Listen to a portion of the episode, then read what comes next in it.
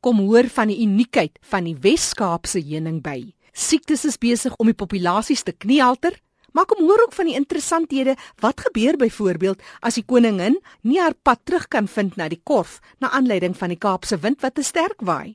Kom hoor hoe die werkers aan die werk spring, 'n seleksie doen en die dieet aanpas om weer 'n koningin te vestig. Ek gesels nou met mede-professor Therese Wasler. Sy is van die departement plant en dierkunde dis by die Universiteit van Stellenbosch.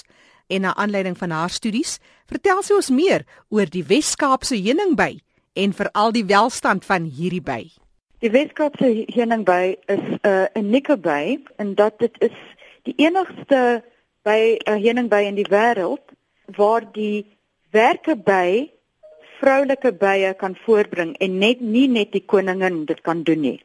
So gewoonlik is dit net die koningin wat vroulike bye kan voorbring. Hier is het hulle 'n spesiale manier waarby werkers ook ander werkers kan voorbring. Is dit 'n nuwe tendens of was dit altyd so? As 'n mens nou net dink aan bygetalle wêreldwyd wat aan die afneem is, is dit dalk 'n manier van oorlewing? Dit is ietsie wat altyd net met hierdie Weskaapse populasie gebeur het.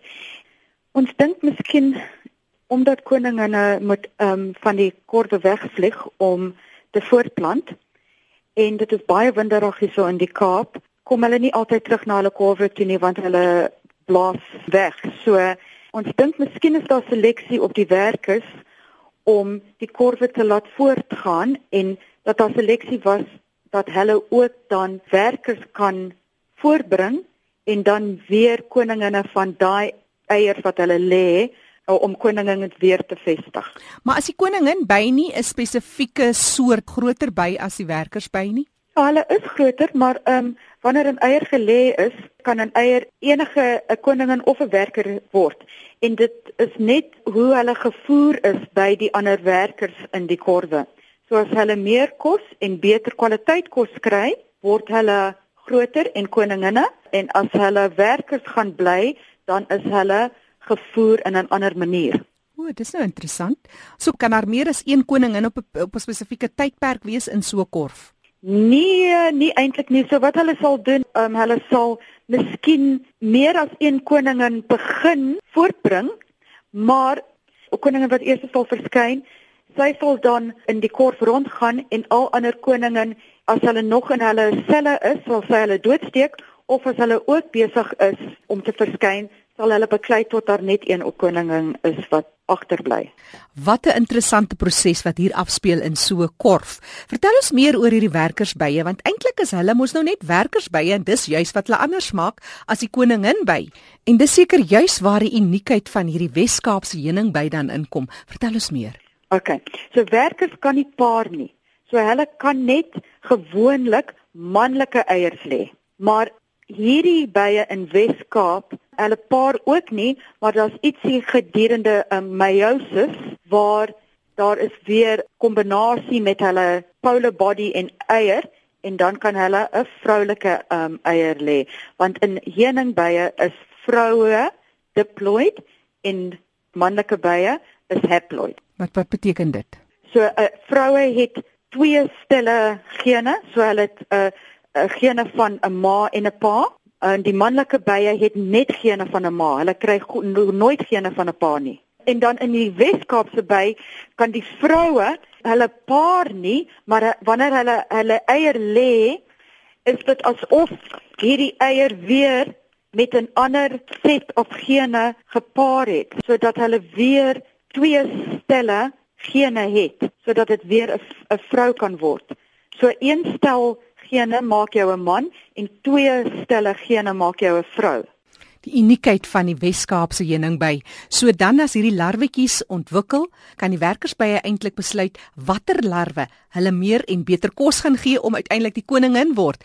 En dit is net in die Wes-Kaap wat dit voorkom, nêrens wêreldwyd nie. Nie vir heuningbye nie. En dis hoekom um, daar baie baie belang is in hierdie heuningby en daar is baie mense wat van Australië en Duitsland en Amerika hierso kom studeer om te probeer uitvind wat dit alles behels.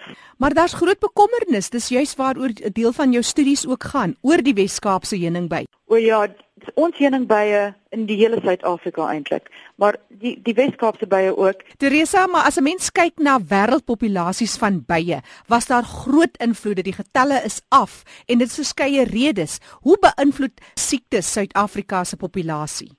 So daar was nie groot impakte op baie siekte op Suid-Afrika se populasie nie. So maar van verlede jaar kon baie boere opmerk en hulle is bekommerd die getalle van hulle korwe wat nou siek geword het. Hierdie siekte is 'n baie ernstige siekte wat ons in 2008-9 eers gesien in Suid-Afrika, maar dit was nie eintlik erg nie. Ons het gedink dit sou nie ons bye uh, beïnvloed nie laas jaar het ons baie boere uitgevind dat omtrent 40% van party van hulle in die groot baie boere van hulle bye was geïnfekteer deur hierdie siekte. Daar is nie eintlik behandeling teen die siekte nie en wat jy eintlik moet doen is daai korwe brand en alles van daai korwe brand. So dis 'n groot verlies van baie heuningbye is verantwoordelik vir omtrent um, 35% van al die kos wat mens eet se uh, verlies in bye nommers en dan gaan bestuiving daardeur lê en dan uh, dit beteken dat ons dan van sekere kossoorte ook sal verloor. En so dit is eintlik 'n groot 'n groot uitdaging vir die Weskaap. Therese Wasler wat met ons gedeel het, sy is mede-professor by die departement plant en dierkunde by die Universiteit van Stellenbosch en sy het gepraat oor die uniekheid en die welstand van die Wes-Kaapse heuningbye.